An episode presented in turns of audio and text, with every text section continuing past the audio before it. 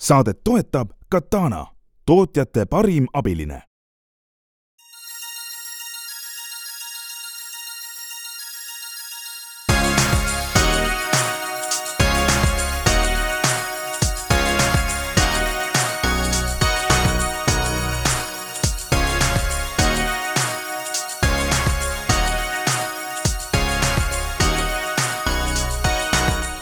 kahekümne viies mai on käes. tere kõigile kuulama Restardi saadet. Taavi Kotka, Hendrik Roonemaa juhivad seda ja külas on idufirma. no mõnikord ikka idufirma maailmas satub niimoodi, et, et tuleb igasugu udutajaid rääkima sellest, millised on nende udused plaanid.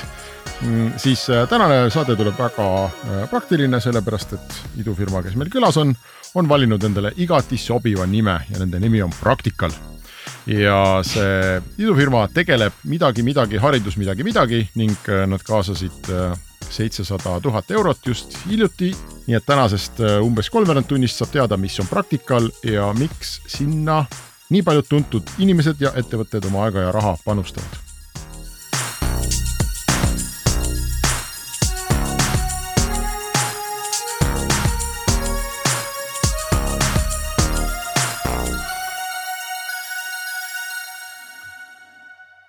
no Taavi, kas äh, sina tead, mis on Practical? tean küll jah, et Aa. Äh, tegemist on äh, äh, siis äh, startup'iga, kes peaks aitama edendama mm, STEM haridust, eelkõige füüsikat.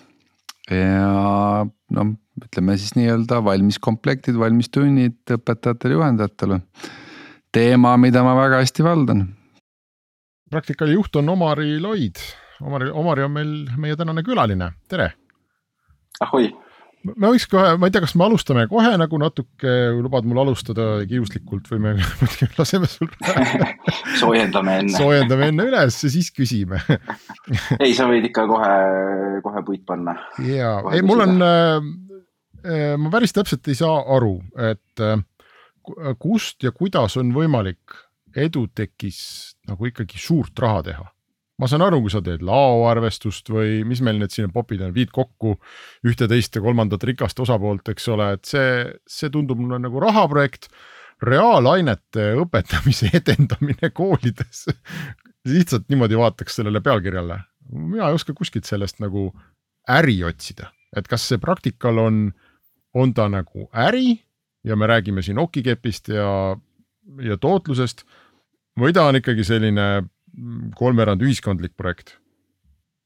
ja see laiem mure, mis selle teemaga kaasas käib, et kui sa EdTech ja, ja haridusvaldkonda vaatad, siis pigem nagu kipub sinna teisele poole jääma, mis sa kirjeldasid just, et vaadatakse seda, et tahaks midagi ära teha aga ei vaadata sisse sellele äriosale, ei vaadata sisse jätkusuutlikkusele, et kuidas see asi, mis sa lood, et see oleks olemas mitte ainult nüüd aasta ja kahe või kolme jooksul, kui sa ise sellega tegeled mm, -hmm. et kui sa lood suurt asja, et sa mingi hetk, kui sina asutajana või selle asja loojana edasi liigud, et kas see siis on olemas ja kas see püsib edasi, see on nagu see üldine kontekst ja praktikal ja, ja praktikal e-tekina selles siis ikkagi on ta nagu ühe jalaga on ikkagi äris, ühe jalaga on ikkagi selles, me päriselt muudame seda või tahame muuta seda, kuidas koolides loodusained on võimalik õpetada, et käed saaks päriselt külge panna nendele asjadele, mis me koolides õpime ehk siis ikkagi äripool on siin olemas.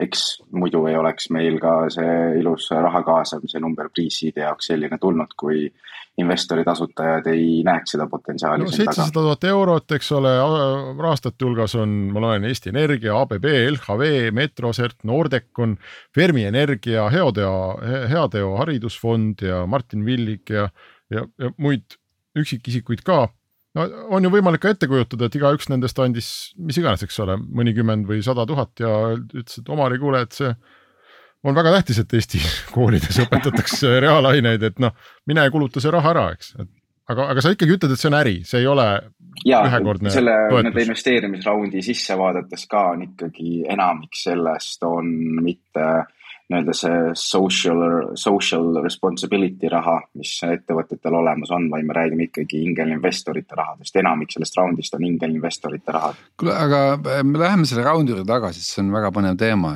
et äh, sest kokkuvõttes ju investorite raha, see on nagu äh, nagu poliitikule hääled, ehk siis sul on nagu mingi mandaat, et sul on, sa lubad midagi ära teha ja siis kas usutakse või ei usuta, on ju, ja kui sa raha saad, siis järelikult usutakse, on ju, aga. aga noh, erinevalt poliitikust sa pead päriselt ka selle ära tegema, on ju, et noh, et, et äh,. mistõttu ma tuleks selle juurde tagasi hiljem.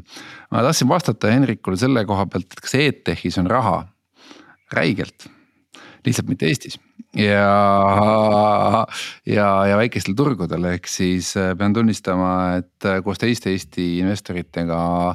ka meie oleme investeerinud a la mingite Silicon Valley startup idesse, kus äh, on tänaseks juba miljoneid videosid, kus no ütleme, needsamad füüsikaõpikud, keemiaõpikud, noh kujuta ette, et iga paragrahvi kohta, kus on mingi väide, on tehtud kolm-neli äh, inglisekeelset selgitavat videot et mida see tähendab, on ju, et noh, et, et kui sa seal väidad, et noh, et, et näed, et, et rõhk on seal äh, üks Newton ruutmeetri kohta on ju, et mida siis nagu tegelikult nagu tähendab, on ju, et noh, see lause on ju, et.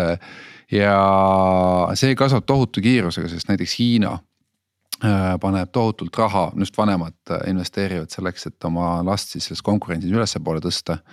ja lapsed, laste nimel on, on ütleme nii-öelda, ma ei tea, noh kogu see Aufesterni raamatu müük minu meelest on laste nimel üles ehitatud ja nii edasi, et see on meeletu business, mis on, on EdTechis, sest just, et noh, me teeme ju kõik selleks, et meie lastel oleks nagu hea. ja EdTech just nagu laste vaatenurgast on ju. iseenesest äh, Duolingo näiteks ennast ei kategoriseeri EdTechina, aga sellised keeleõppe äpid, nad noh, sisuliselt lähevad äh, selle sarnase kategooria alla no Lingvist on Eestis on ju EdTechina ennast ikkagi kirja pannud ja kasvab, et selliseid õppimisasju on maailma kontekstis on ikka päris ja, palju ja just mentorluse asju ka, et, et eraõpetaja asju. aga meil, ma ütlengi, meil vist äh, üks edukamaid praegu peaks olema Ninety Nine Math. Äh, pole ammu saatesse kutsunud, tuleks Henrik kutsuda, et, äh, et küsiks, kuidas nad lähevad. Tõnis on ja. tore ja okei okay,, selles mõttes, et miljoneid videoid saab ju kindlasti luua ja Youtube'is on neid isegi rohkem kui miljoneid, eks ole, kaasa arvatud noh, sinu selle rõhunäite kohta, aga ükskõik tegelikult mil, mille kohta, et äh, minul, ma ei ole EdTechi sisse vaadanud, ma ei, aga mul ei ole jäänud muljet, et ükski Eesti EdTechidest oleks noh, ütleme väga edukas, võib-olla isegi ma ei tea, GrabCAD-iga võrreldavalt edukas, eks ole, rääkimata Boltiga võrreldavalt edukaks. ühtegi. sa mõtled ärilist no. edukust on ju? Ja, ja, ja, ja, ja, ja, ja mul ei löö praegu kohe ette ka ühtegi sellist nagu ülituntud maailmas nagu noh, edukat e-teki, eks, et ma võin sulle startup'e nimetada, ma ei mm, tea, e-mailist Instagramini. Mm Khan, Khan Academy. ja, ja meil EdTech unicorn'e maailmas on ka ikkagi olemas, kui me võtame startup'i yeah.. Okay. see on sinu harituse küsimus, Henrik ikkagi, et nad ikka on olemas mm.. ja või siis ütleme see minu äh leigus äh, STEM erialade õppimise vastu. See kindlasti on. aga ei no selles mõttes, äh, okei okay,, sa võid öelda harituse küsimus, aga ma tarbin äh, igasugust noh, tehnoloogia ajakirjandust ja meediat, eks ole, igasugustes vormides. Ja ikkagi väga harva olen mina näinud seal sellist nagu suuri EdTechi edulugusid. ma ei ütle, et neid ei ole, aga see ei ole tavaline, et sa teed hommikul arvuti lahti või, või mõne podcast'i öeldakse, et näed, et jälle Facebook ostis kahekümne kahe miljardi eest suure EdTechi startup'i, noh ei ostnud, eks ei ostnud ju. aga okei okay,, ma ei taha viriseda. selles mõttes nii palju ei ole jah, äh, aga, aga järelikult on see lihtsalt hea algus, et see, see haridus on kindlasti üks nendest valdkondadest, meil on need, eks ole, tervis, energia, haridus, mingid sellised suured valdkonnad, kus kõik tunnevad, et seal peab hakkama muutusi tegema. et, äh, et väga hea, kui meil on järgmine, et lähme siis. kuule, ma leidsin praegu mingi nimekirja, aga kui sa tahad otsida, on, on holonik.com või äh, holoniq.com ja ma siin praegu vaatan äh, siin on selgelt, kas silmaga mingi vähemalt viiskümmend unicorn'i või? et äh, meeletus koguses on neid. selge, ühesõnaga me oleme tõestanud, et EdTechis reaalselt saab ka raha aga teha. mitte Eesti turul. ja, ja mitte Eesti ja. turul. Ja ma arvan, nüüd on siis hea koht, kus me võiksime lasta Omaril rääkida, et mis, mis see on siis ikkagi täpsemalt, mida te teete ja kuidas te seda pähklit üritate süüa jah, ja mis see pähkel on. et äh, ma alustan sellest, mis me teeme ja siis ma jõuan selle pähklini.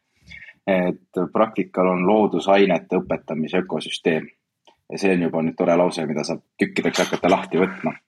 eks loodusained, seesama STEM märksõna, mis sa õhku viskasid. Ähm, meie suur huvi on see, et saaks päriselt nende ainetundides klassiruumis koha peal ehk see, kus siis äh, põhikoolis, gümnaasiumis õpetaja õpetab klassis, et seal saaks nendele ainetele, teemadele käed külge panna. Need on need ained, mis seletavad ja õpetavad meile maailma meie ümber ja me usume sellesse, et neid peakski õppima selle kaudu, et sa koged seda, mitte ainult ei vaata vihikust, ei vaata ekraani pealt, vaid sa päriselt saad selle kogemuse Äh, mille, mille põhjal ja mille külge sa hakkad neid erinevaid teadmisi endale talletama. a la noh, seesama äh, Newton ruutmeetri kohta rõhk on ju, et sa saad päriselt selle rõhukogemuse katsetades kätte ja siis, kui õpetaja sulle hakkab näitama mingit videot või näitama valemit, et sa seod kogu aeg selle mälestusega, mis sul seal äh, tunnis oli, selle katsetamisega ja et seda nüüd saavutada, ongi meil vaja luua see ökosüsteem, sest see koosneb nii mitmest jupist, et päriselt selline kogemus tundi kohale jõuaks. ütleks, et meil on selline kolm-neli põhikomponenti. esimene põhikomponent on katsevahendite komplekt, et saada seda praktilist kogemust pakkuda, on vahendeid vaja. ja vahendite leidmine, no ma arvan, Taavi, sa unicorn'ide poole pealt tead ka, et see on ikka paras tagaajamine, et saada endale ka neid lihtsaid vahendeid kätte Äh, millega neid katseid teha. ma ei tea, mul on kõik olemas noh aga sa ei saanud neid Selverist osta suure karbiga, sa pidid selle ikkagi ise ehitama, välja mõtlema. kas me ostsime jah, aga no selles mõttes on õigus Omaril, et äh, noh, äh, eriti praegu on ju Hiinast mikromootorite kättesaamine on ikka tõsine tegemine. just ja nüüd, kui sa paned selle kohustuse ülesande õpetaja õlule, kellel on niigi ülekoormatud ehk tal on mingid asjad koolis olemas, aga et hakata nüüd leidma nii palju neid vahendeid, iga õpilane saab teha, seal tuleb väga kiiresti piirangud ette, kui meil teemade arv kasvab, sisukus kasvab. sellepärast jah, on meil siis katsevahendite komplekt on nii-öelda keskmes, kus me paneme kõik ühe kursuse jaoks vajalikud vahendid ühte komplekti kokku.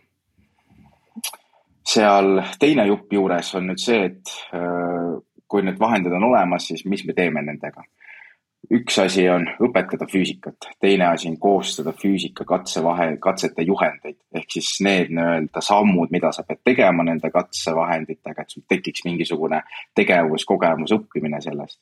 ja see on ka eraldi suur tükk tööd, mis nii-öelda õpetajal on pigem selline läheb, läheb sinna nagu lisakoormuse teema juurde, et su põhi, põhiroll on saada see tund valmis, millega sa annad õppe, õpilasele selle teadmise edasi aga et kirjutada nüüd kõikidele nendele äh, viiekümnele, kuuekümnele katsele juhised ka, see võtab jälle nagu tohutult aega õpetajalt ära.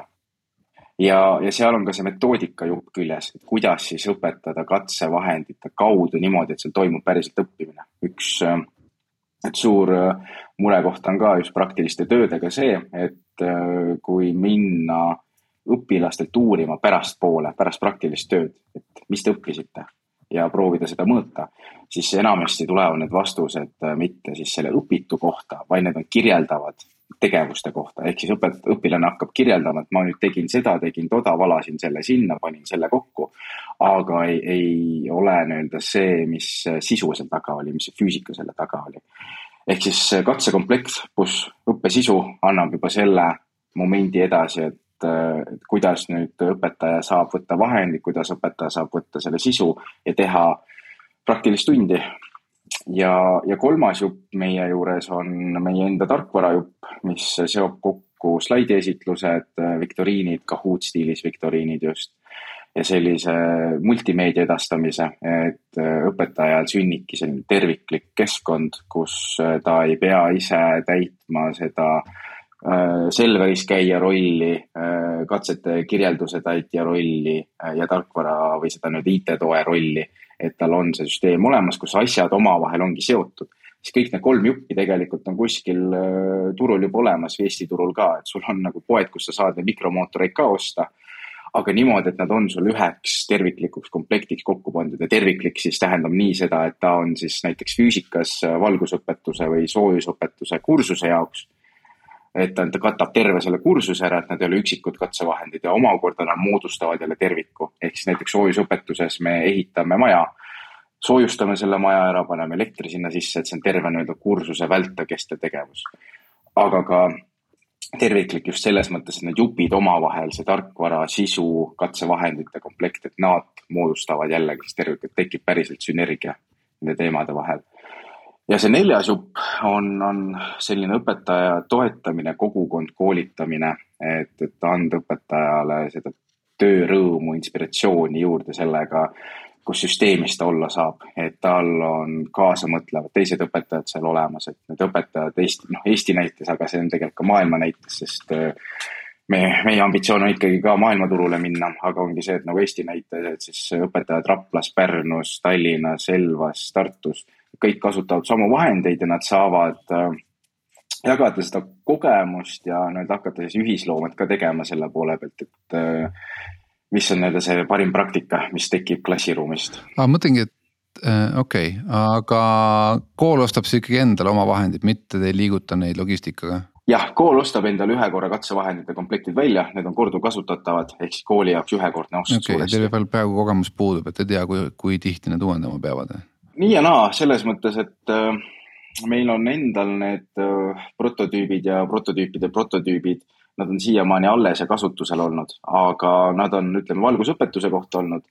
Nad on püsinud, töötanud äh,, aga nüüd tulevad meil uued asjad peale, aga vaadates, mis seal on ja lihtsalt viies nii-öelda loogiliselt otsi omavahel kokku, minu enda näiteks kolmepõrsakese kogemusega et siis pigem need asjad püsivad, et seal nagu oma asja olemuse poole pealt, et nad püsivad. lihtsalt seal on see element, on ju, et, et sul põhikoolis paratamatult, kui keegi tahab hakata avastama, kuidas ikkagi midagi seestpoolt töötab ja võtab selle lahti, et siis ei ole vahet, kui, kui tugev sinu asi on, vaid et kui põhikooli õpilane võtab ikkagi eesmärgiks asi lahti teha, et siis ta päeva lõpuks võib lahti olla. ma just mõtlen seda, et meil näiteks on droonid sellised asjad, mida me vist äh, pärast äh, kahte hooaega ja suvelaagrit peame ikkagi välja vahetama, et siis on nagu siis on juba nagu tuksis, et siis on juba ära, ära ajastatud, mul on ainult tüdrukud on ju, kes ei, kes ei kruvi lahti kaku ära mingi mootorit küljest on ju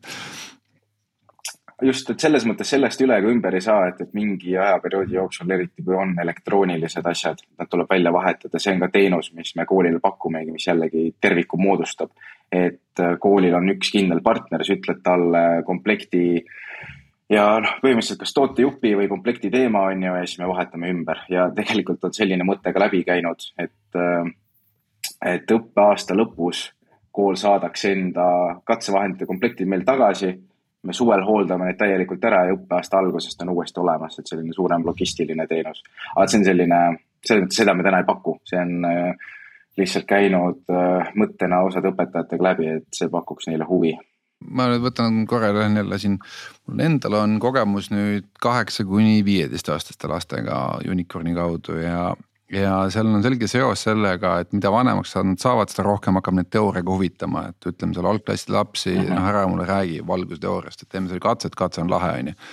et see on tore, seda me tahame teha, on ju et äh, aga samas nagu see teooria mingil hetkel läheb ikkagi nagu päris keeruliseks kätte ära, on ju, et see õpetaja ikkagi peab ka ikkagi aru saama sellest, mida ta seal räägib, on ju, et, et äh,. kui palju teil see nii-öelda toetav materjal siis ikka niimoodi toetab, et äh, noh mina saatuse tahtel käisin Treffneris on ju, meil olime füüsika eriklass, meil oli üheksa tundi nädalas, millest oli siis viis teooriatundi ja neli praktikumi on ju. ja praktikumid olid noh, noh ikka vedrut ja, ja pindpinevust, mida sa katsetasid, on ju. noh, ütleme, et olin katse küll ja paned käed külge tore on ka, on ju, aga ütleme nii, et noh kui sa kõrval ikkagi väga korralikult teooriat ära ei õppinud, on ju, et siis oli see ikkagi noh, oligi rohkem mängimine kui et õppimine, on ju, et äh,. et kuidas teil see lahendatud on, et see nagu see tase, see teoreetiline tase ka ikkagi sinna kõrvale tuleks ja, ja saaks huvitatud edasi anda? just, et siin tegelikult äh, oli kaks küsimust on, üks oli, üks oli see õpetaja pool, et kuidas me õpetajat ette valmistame, toetame, teine oli siis meie enda teooriaga sidumine. ehk äh, ma alustan sellest õpetaja poolest et, et praktikal ongi see, mis me koolile pakume, ongi tööriist õpetajale ja õpetaja kaudu õpilasele. et õpetaja on see, kes klassiruumis äh, selle kogemuse edasi annab. ja seepärast siis see metoodiline materjal, mis ma enne mainisin, ongi õpetajale loodud, ehk siis äh, millest see koosneb. Äh, teksti ja video osa ehk põhimõtteliselt õpetaja saab võtta lahti selle tunni materjali ja siis endale kas siis vajadusel selgeks teha, vajadusel üle, üle käia lihtsalt, kas videos või tekstis, et mis selle tunni siis iva on, kuidas nüüd seda seletada, mida me siin seletama hakkame praktiliselt. et see on siis iga teema puhul õpetaja jaoks olemas. õpetaja saab otsustada, kas seda materjali ka otse õpilastega jagada, ta töötab ka selle jaoks, aga eelkõige on ta nüüd äh, õpetajale, ütleme kaks erinevat stsenaariumit, et meil ongi füüsikaõpetajatega selline olukord, et äh, mõned on täitsa otse tänavalt tulnud, et kas siis äh, ongi kogukonnast keegi üles astunud ja selle füüsikaõpetaja rolli võtnud või, või veidi paremal juhul, et ta on ikkagi õpetaja, aga mingi teise aine õpetaja ja täidab seda rolli. Äh, ja see par veel parem juhtum ongi, et ta ongi päriselt siis loodusainete õpetaja. ehk siis, kas ta ongi õppinud geograafia ja füüsikaõpetaja, eks ta on ikkagi natukene õppinud seda. Et sellel esimesel puhul, kui seda tausta nii palju ei ole, ta annabki sellise hea raamistiku ette, et äh, sa võtad selle ettevalmistusaja, vaatad enda tundi asju läbi, katsetad asjad läbi ja tunnis sa saad juba selle järgi kulgeda ja toimetada. aga juba sellele kogenumule õpetajale ta annab selle võimaluse, et sa saad nüüd rohkem enda moodi seda materjali kasutama hakata. et sul on nii-öelda selline hea toorik on olemas, millega toimetama hakata, see on nii, see on nagu tõlkimisega kohati on, et kui sul on äh, juba selline, ma ei tea, eesti keelest inglise keele tõlkimisel näiteks, et sul on juba toortõlge olemas, sul on nagu hea hakata seda rohkem mudima, kui see, et sa hakkad täiesti nullist seda kirjutama, on ju, et annab natuke sarnase efekti selle kogenud õpetaja jaoks.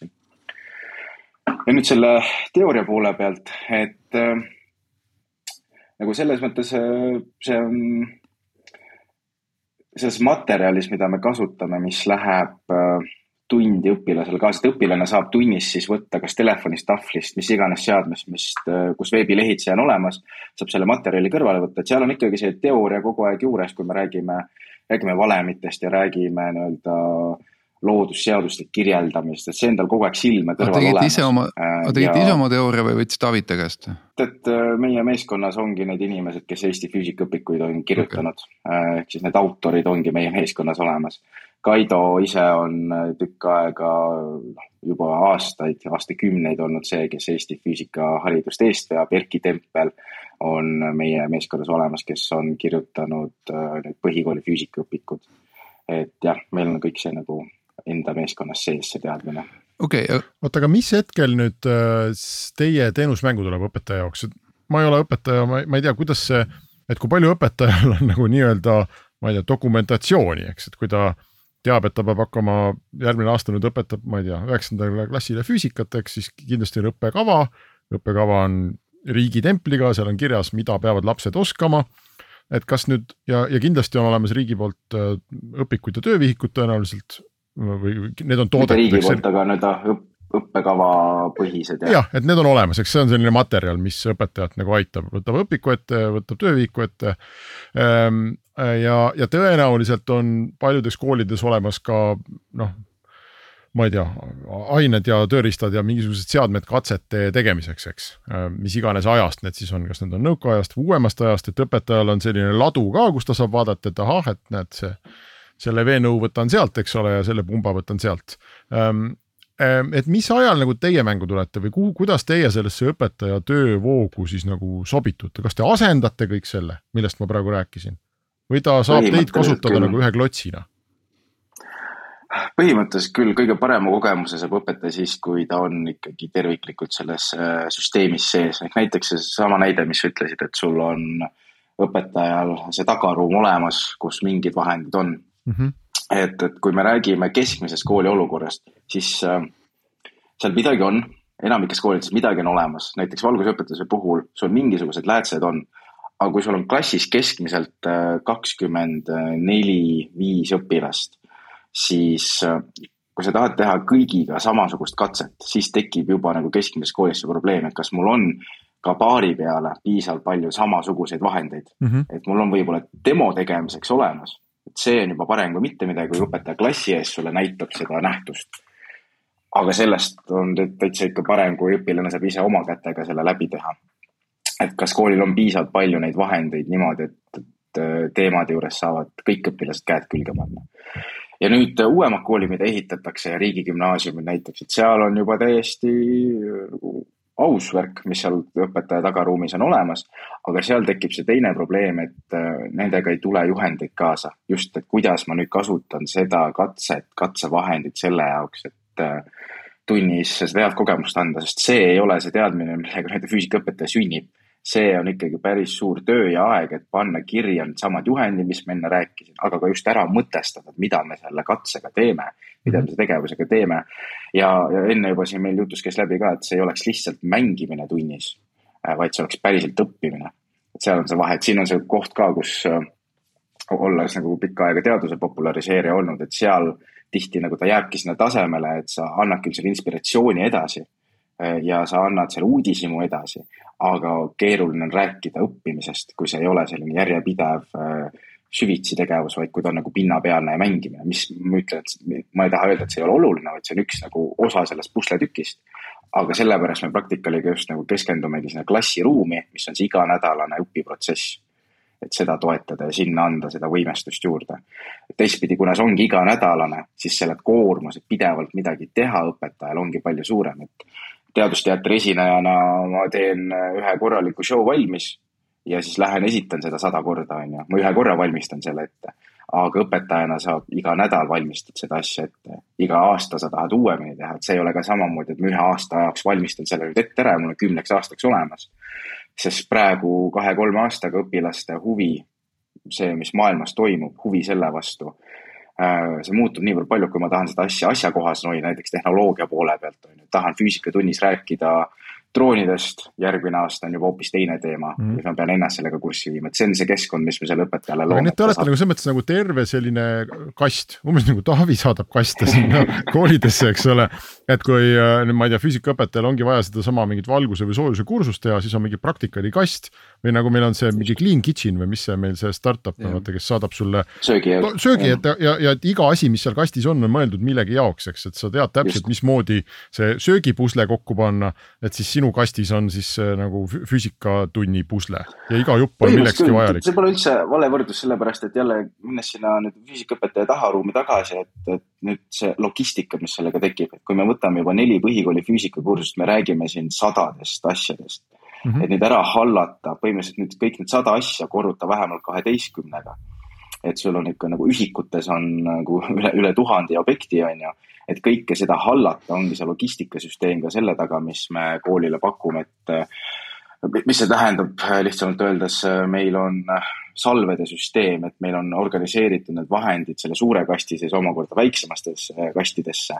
ja sa saad tunnis välja võtta ainult need vahendid, mida sul selles tunnis konkreetselt vaja on et sa ei pea iga kord nagu kas saatma õpilasi sinna taha ruumi või hakkama sorteerima neid, vaid sa võtadki optika üks, salv A, salv B ja sa saad selle tunni ära teha või siis äh, soojusõpetus, salv kuus, seitse, sellega saad selle tunni ära teha nii-öelda. et ja salved ongi siis nii-öelda suurtes komplektides, et õpetaja võtab selle kasti välja, sul on ühes kastis kaksteist salve Äh, ja siis kaheteistkümne salvega saavad kakskümmend neli õpilast äh, korraga õppida. siin tuli nüüd räägi äh, vend, kes aeg-ajalt peab tegema Lego inventuure sellepärast, et millegipärast kõik need salved on ühel hetkel ühes kastis koos ja mitte selles kastis, mis sul lahti on nagu, et aga, aga, aga see selleks, läheme tagasi äri juurde, et me alustasime sellega, et sa said investoritelt mandaadi, said raha, mis sa nüüd lubasid neile siis? mis sa selle seitsmesaja tuhandega pead ära tegema? põhimõtteliselt äh, neli füüsikakursust Eesti, mis me siin räägime Eesti õppekava järgi. Need selle aasta lõpuks valmis ja seitsmekümne viies koolis oleme olemas Eesti sees et kõik nii-öelda see infrastruktuur, põhi ära luua. okei okay,, aga mõtlengi, et investor ei investeeri ju Eesti perspektiiviga, ta võtab alati laiema perspektiivi, on ju. ja no jällegi, olgem ausad, on ju, neid hariduslikke startup'e, nagu me näeme, unicorn'e on kümneid ja kümneid, on ju, et äh, ja põhiliselt nad tulevad kõik Hiinast ja Indiast, kus on tohutu turg, on ju, ja USA-st, et, et no see ei ole ninety nine math, et sa lihtsalt teed turundust ja noh, just another äpp on ju, et noh, et, et see on ikkagi nagu tõsine riistvara nagu exit, et mismoodi see välja nägema, nägema hakkab, et noh, täpselt nagu tavaliselt ettevõtjad teevad äh, kõigepealt Lätti ja siis Leetu ja siis Soome ja noh, või mis plaan siin nagu on või miks sa nagu, miks sa arvad, et see on nii eriline, et see üldse omab mingit ekspordivõimekust või suutlikkust? või need investorid ei oodanudki seda, et sa teeksid seda eksporti? ikka eksporti ja ähm, me, ma ei oska sulle öelda, mis on see turg, kuhu me nüüd kohe lähme, meil siin erinevad äh, turu-uuringud ikkagi käivad äh, ja nii-öelda uurime, äh, kus on see koht, kus me tahaksime alustada räägime eelkõige Euroopast esimeste sammude puhul. aga mis see iva on, ongi selles, et üks asi on see õppimine, mis me sellest räägime, aga just nii-öelda see logistika ja halduse pool on tegelikult koolile ka üks päris huvitav teenus mida nad täna lahendavad niimoodi, et keegi pannakse koolis tanki, kes sellega tegelema peab ja, ja siis see ei tööta just see nii-öelda füüsika tagaruumi, äh, tegelikult me räägime keemiast, me räägime bioloogiast ja kõik nii-öelda see katsevahendite haldus. et olla see üks partner, see täislahenduse pakkuja selle jaoks. ja siit, äh, mis see iva tekib, on äh, veidi sarnane nagu Apple'i ökosüsteem on, kui sul on need seadmed olemas, kui sul on meie katsevahendid olemas, siis sa tahad ka tarbida neid teenuseid, mis lähevad kokku selle Äh, nagu selle katsevahendite komplektiga, selle seadmega, mis sul olemas on. sest äh, meie nii-öelda see rahastusmudel on see, et jah, me küsime katsekomplektidest raha ja siis on õpetajapõhine litsentsitasu, millega pääseb ligi sellele tarkvarale, sellele õppesisule ja seal taga on veel omakorda nagu mitmeid mõtteid, et kuhu too võib areneda, et kas me räägime siin sellisest äh, marketplace'i arenemisest, kus õpetajad saavad omavahel materjale vahetada, kas me räägime just sellest, et see tarkvara iseenesest on tööriist, mida õpetajad tahavad äh, kasutada ja eraldi ainult selle eest maksta. et neid hargnemissuundi on siin olemas. aga keskmes ongi jah see, et me tahame nii-öelda olla kooli jaoks see põhipartner, kui me räägime katsevahenditest ja praktilisest õppest aga need, äh, äh, see noh, kursused sa pead niikuinii, ma arvan, nagu tõlkimisest ei piisa, et sa pead mingil määral need ikkagi lausa ümber kirjutama, sest erinevad riigid on väga erinevad, eks ole. Ähm, ja aga, aga, aga tõenäoliselt ka need füüsilised esemed, mingi protsent tõenäoliselt kehtib Eestist Portugalini aga, aga võib-olla mingit sorti läätsed võtab Eesti laps välja, saab aru, mis need on ja Portugali laps kohkub ära ja pole varem näinudki. et mingid asjad võivad mingites riikides täiesti teistsugused olla või, või, või sa arvad, et see füüsilise, et see füüsiline kraam on see, et sa tellid Hiinast äh, üheksasada tuhat eksemplari ära ja siis muudkui saadad neid laiali? jah, eks see kultuuriruum ikkagi mõjutab, aga äh, jällegi üks võlusid Eesti hariduse puhul on see, et meie füüsika õppekava on üpriselt lai, üpris laiamahuline, ta katab päris palju teemasid ära, et, äh, et kui selle põhjal me oma sisu valmis teeme, siis äh, ta juba enamasti katab ära seda, mida mujal maailmas ka õpetatakse. Äh, eks siin on ka samamoodi füüsika sees on kultuurilised eripärad, näiteks mõõteühikutes, kas meil on noh, kes kasutab hobujõudu ja kes ei kasuta, on ju, näiteks et, et sellised teemad, aga need on nagu väiksed detailid, et suuresti on tõesti see lokaliseerimine teema selles et mitte lihtsalt tõlkimine, aga selle riigiga või selle kultuuriga vastu, vastavusse viimine. aga ta, ta nagu on teiste õppematerjaliga võrreldes, et füüsika on sama Eestis ja Portugalis ja see lähetus töötab samamoodi Eestis ja Portugalis. et selles mõttes äh, tal ei ole nii suurt barjääri noh, kordades väiksem barjäär, kui meil on kultuuriga seotud ainetes, keelega seotud ainetes. et seal sa tahadki pigem seda mudelit kasutada äri mõistes, et kus sina lood süsteemi ja nemad loovad content'i koha peal. aga meie see võlu on ka, et me anname selle suurepärase content'i sinna kaasa. Ja jah, et mis see nagu strateegia on, kuidas teda hakata niimoodi lokaliseerima. täna see nii paika loksunud ei ole, et ma sellest siin räägiksin aga kindlasti see on nagu osa selles, et jah, me tahame liikuda äh, eelkõige alustades Euroopa sees ringi ja pakkuda seda siis noh, Saksamaal saksakeelse content'ina kas kooli jaoks see, et ta sinu neid kaste ja kursusi ostab ja seda õpetaja litsentsitasu maksab, kas see on nende jaoks lisakulu? Ehk mingi asi, millele tuleb eelarve leida. Või see on mingi kulu, mida nad täna niikuinii teevad ja siis tuleb Omari ja ütleb, et oh kuulge, et noh, ma pakun, eks ole, kolm korda odavamalt ja annan Just, kasti ka. nüüd sa, nüüd sa jõudsid selle äripointini, et kus siin tegelikult äh, see potentsiaal olemas on, ehk siis äh, et vastus sinu küsimusele on jah, see asendab suuresti seda kulu, mis neil täna juba olemas on nii, nii Eesti kui ka rahvusvahelises kontekstis, ehk siis need on asjad nagu katsevahendid, õppesisu, õpikud on asjad, mida niikuinii koolid ostavad. aga sa ei äh, asenda see... õpikut või sa asendad isegi õpiku ära? Äh, täna ütlen sulle, et ma asendan töövihiku ära. õpiku point, nagu kui ma ütlen, me asendame selle ära, siis see läheb metoodiliseks juba ja see ei ole see koht, mida, mida siin mina enda taustaga tahan arutada. ja mida õpetajad valivad, see on ikkagi õppemeetodi teema, aga kui me räägime, et õppesisu katvuse poole pealt, see on täiesti tehtav asi, et, et õpik ära asendada ja töövihku asendame kindlasti. Noh. aga nad ostavad need värvilised klotsid ja, ja kolvid ära ja, ja võib-olla kasutavad neid kuuskümmend aastat, et nad ei, äkki ei peagi neid sinu kaste üldse ostma. et selles mõttes, et sealt ei tule kulude kokkuhoidu, et see on ikkagi nagu lisakulu, sest neil juba on need klotsid olemas ja, aga need klotsid mingi hetk äh, ikkagi äh, need kuuskümmend aastat sul päriselt ei püsi ja. ja kaovad ära. aga seal on see nii-öelda see lisandväärtus, mis sa saavutad muude kulude kokkuhoius, kui sul on süsteem, mis töötab hästi. jah, sul võivad need äh, asjad täna olemas olla, aga kui sa säästad oma füüsikaõpetaja vaimse tervise põhjal sellega, et ta ei pea hakkama siin maad ja ilma leiutama sellega, kuidas need klotsid omavahel kokku saab, siis see nagu, see kulu nende kokkuhoid tuleb natuke mujalt ka aga äh, see põhiline reaalsus äh, on see, et äh, kaks nii-öelda võrdlust nüüd hinna poole pealt. et osta välja Praktikali põhikooli katsevahendite komplektid, siis kõik nelja kursuse, kaheksas, üheksas klass õpetamiseks vahendid, maksab koolile sama palju, kui see kool maksab umbes poolteist aastat õpilaste töövihikute eest, mida nad maksavad iga aasta. ehk siis see on umbes neli tuhat eurot kui koolis on selline circa kaheksandas, üheksas klassis on circa selline sada nelikümmend õpilast, siis nad maksavad umbes äh, pooleteise aastaga sama palju, kui nad maksaksid ühe korra välja, välja ostes praktikali vahendite eest. Äh, enamik kool, noh, okei okay,, enamik on vale öelda.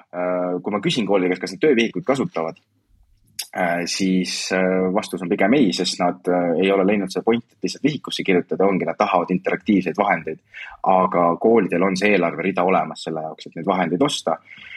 ja noh, põhikoolides, rohkem gümnaasiumites oli ka see, et ma enda eest ka mäletan, et ka õpilane maksis selle töövihiku eest vist ise ka.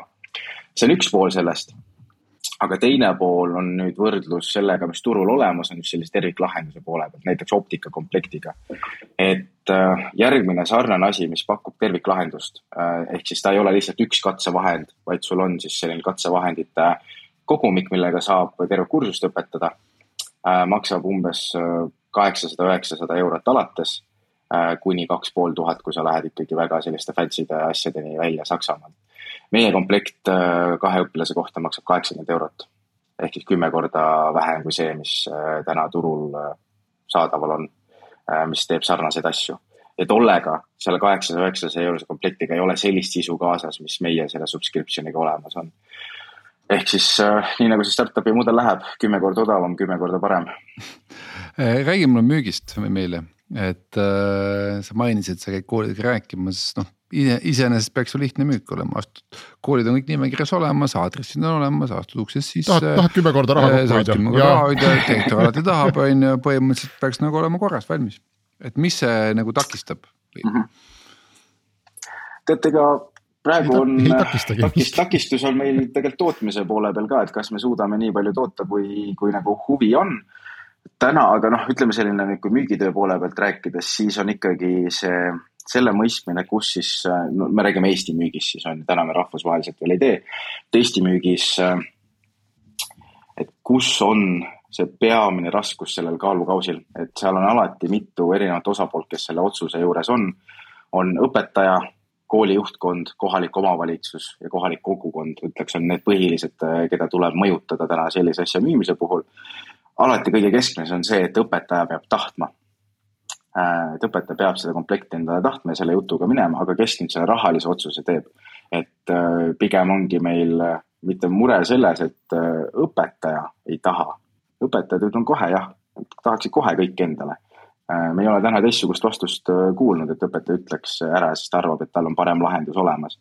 aga nüüd ongi see nii-öelda jah, raha poolte liigutamine, et täna meil näiteks erinevad grupid olemas, kus äh, kool, kellel eelarvet on, on kohe ise ära ostnud, ei ole mingit probleemi olnud. kool, kellel on äh, eelarvemuresid, siis on kohaliku omavalitsusega rääkimine. Tartu linn tegi hoopis sellise otsuse, et ostis ise või toetas siis enda koole, munitsipaalpõhikoole, koole sellega, et ostis äh, optikakomplekti neile välja ja siis me räägimegi, põhimõtteliselt me tahame saavutada seda, et, et needsamad osapooled, kes ma rääkisin, kõik on meist ilusti teadlikud see, et kui nüüd läheb otsustamiseks ja on selline positiivne kogemus, äh, suhtumine meisse olemas, et see otsus libedamalt läheks, ehk siis me räägimegi nii otseõpetajatega, Eesti füüsikaõpetajatega, kuna see seltskond, kellega me seda teeme, meie meeskond, meie füüsikaõpetajate pool sellest ongi füüsikaõpetajate kogukonna eestvedajad ka. et siis õpetajatega saame väga ilusti otse rääkida. Aga ka koolide ja KOV-idega, et kõik see nii-öelda läheks libedalt. mis see, Taavi, sina oled ka kindlasti kokku puutunud kooli nagu poolega, et et kus täpselt on selline kooli motivatsioon kulutada rohkem raha selleks, et võib-olla lastel oleks parem õppida valgustus või soojust asja, et, et noh, kui puht raha, ütleme raha, efektiivse rahakulutuse poole pealt vaadata, noh, siis on võimalik ette kujutada, et et Omari asemel jalutab sinna keegi, kes ütleb, et tal on siin üks, üks veebilehekülg, eks ole. et noh, et see on tasuline, et kui tahate, makske palun mulle, eks ole, kuuskümmend eurot aastas. seal on videod, HTML, kõik on olemas, eks ole, pange või kolm tuhat last sinna ja õpetage neid, et. et, et mis on see kooli motivatsioon neid kaste üldse tahta või kas nad päriselt tahavad neid? võib-olla see on küsimus teile mõlemale. ei no selles mõttes seal on äh, nüüd kaks vaadet äh, Unicorni asjad on praegu peamiselt koolivälised, eks huviharidus on ju ja mõned yeah. koolid ka, eks ja seal katame kulud meie, on ju. et seal nagu kulusid ei olegi, aga, aga koolidel ei ole raha, et selles mõttes koolidel on valmis eelarved ja kui nad tahavad midagi ekstra teha, siis nad peavad ekstra taotlema välja arvatud riigigümnaasiumid on koolide omanikud ikkagi kohalikud, kohalikud omavalitsused kohalik omavalitsus saab alati otsuse teha, et eraldab eelarvest mingi summa, et noh, mingit uut lähenemist proovida, on ju, aga noh, seal ongi see, et. õiglane oleks seda teha nii, et kõigil on, mitte nii, et noh, et, et ma valin siin ühe eliitkooli välja ja ainult toetan neid, on ju ja teine asi on nagu see, et äh, noh, ega see vaene õpetaja ka, ega ta ei suuda nagu siin tõmmelda, et noh, et üks aasta õpin ühe ära ja teine aasta teise, on ju, et. Äh, ega see, et sul on optikakomplekt, äh, noh, ta ikkagi tahab mingit ettevalmistust, ta tahab ikka mingit arusaama. sa veel täpselt ei tea, mismoodi klass selle vastu võtab, on ju, äkki hakkadki ära kakkuma mingeid juppe küljest kuskilt, on ju, et noh, et. et kui sa oled midagi selgeks teinud, sul on mingid töövõtted käes, eriti just nagu vanematel õpetajatel, no milleks muuta no see on toiminud kolmkümmend aastat, niimoodi olen õpetanud, on ju, enam-vähem olen lontud aru ka saanud, on ju.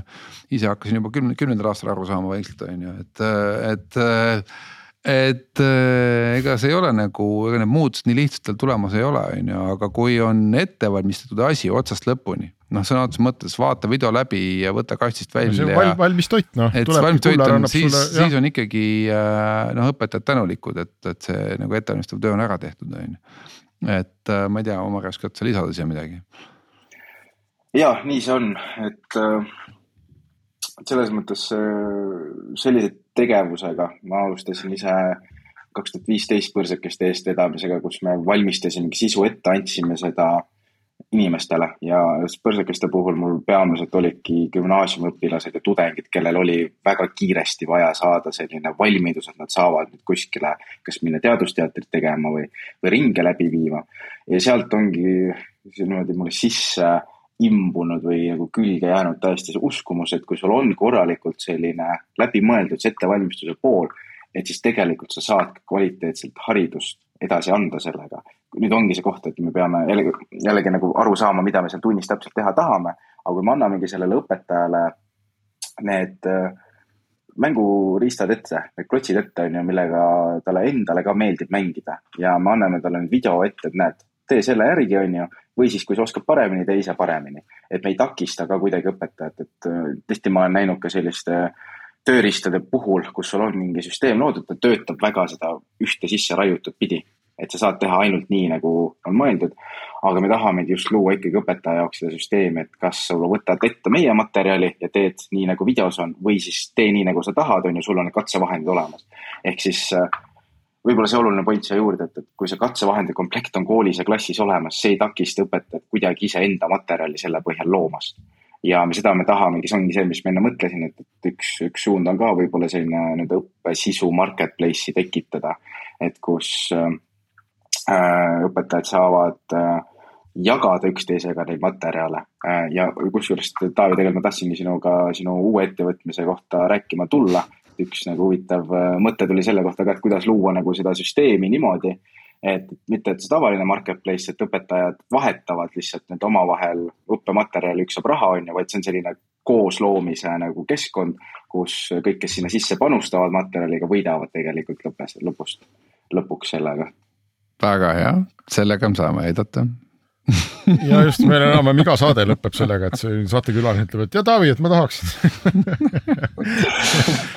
ma olen leidnud, ma olen leidnud nagu meeletult hea turunduskanali, nagu te näete nagu jah, kui nüüd ainult see restart kuidagi jõuaks ka rohkemate kui ainult Eesti publikuni, eks, et noh, näed, et kui need suured Silicon Valley omad, võib-olla me mõtleme midagi välja, Taavi. Pakume Silicon Valley Restardi kuulajatele ka mõned tõukenid kindlasti. selle eest, kui nad meie saadet kuulavad. kuule, aga lõpetame siis, lõpetame selle kastijutu siin ära, aitäh, Omari. ja alati on hea meel näha äh, startup'i, kes mõnes mõttes võib-olla liigub nagu ülesmäge või, või proovib, proovib teha asja, mis on õige ja hea ja, ja lõppkokkuvõttes veel kasumlikult sest mitte miski, minu kogemuses mitte miski ei sure kiiremini kui õhinapõhised projektid. ma alati suhtun suure umbusuga sellesse, kui keegi teeb aasta või kaks õhinaga suurt portaali ja siis, ja siis kaob. loodetavasti teiega ei lähe nii ja kõik see asi on kasumlik ja edukas, aga Restart on suutnud suht õhinapõhiselt juba üle kümne aasta vist eetris olla alati on erandid. ja mõnikord on ka toetajad, mõnikord ei ole, nii et äh, meie jätkame ja kuulajate jaoks tähendab see, et me Taaviga oleme siin tagasi nädala aja pärast järgmise külalise järgmiste ideedega. aitäh kõigile ja kuulmiseni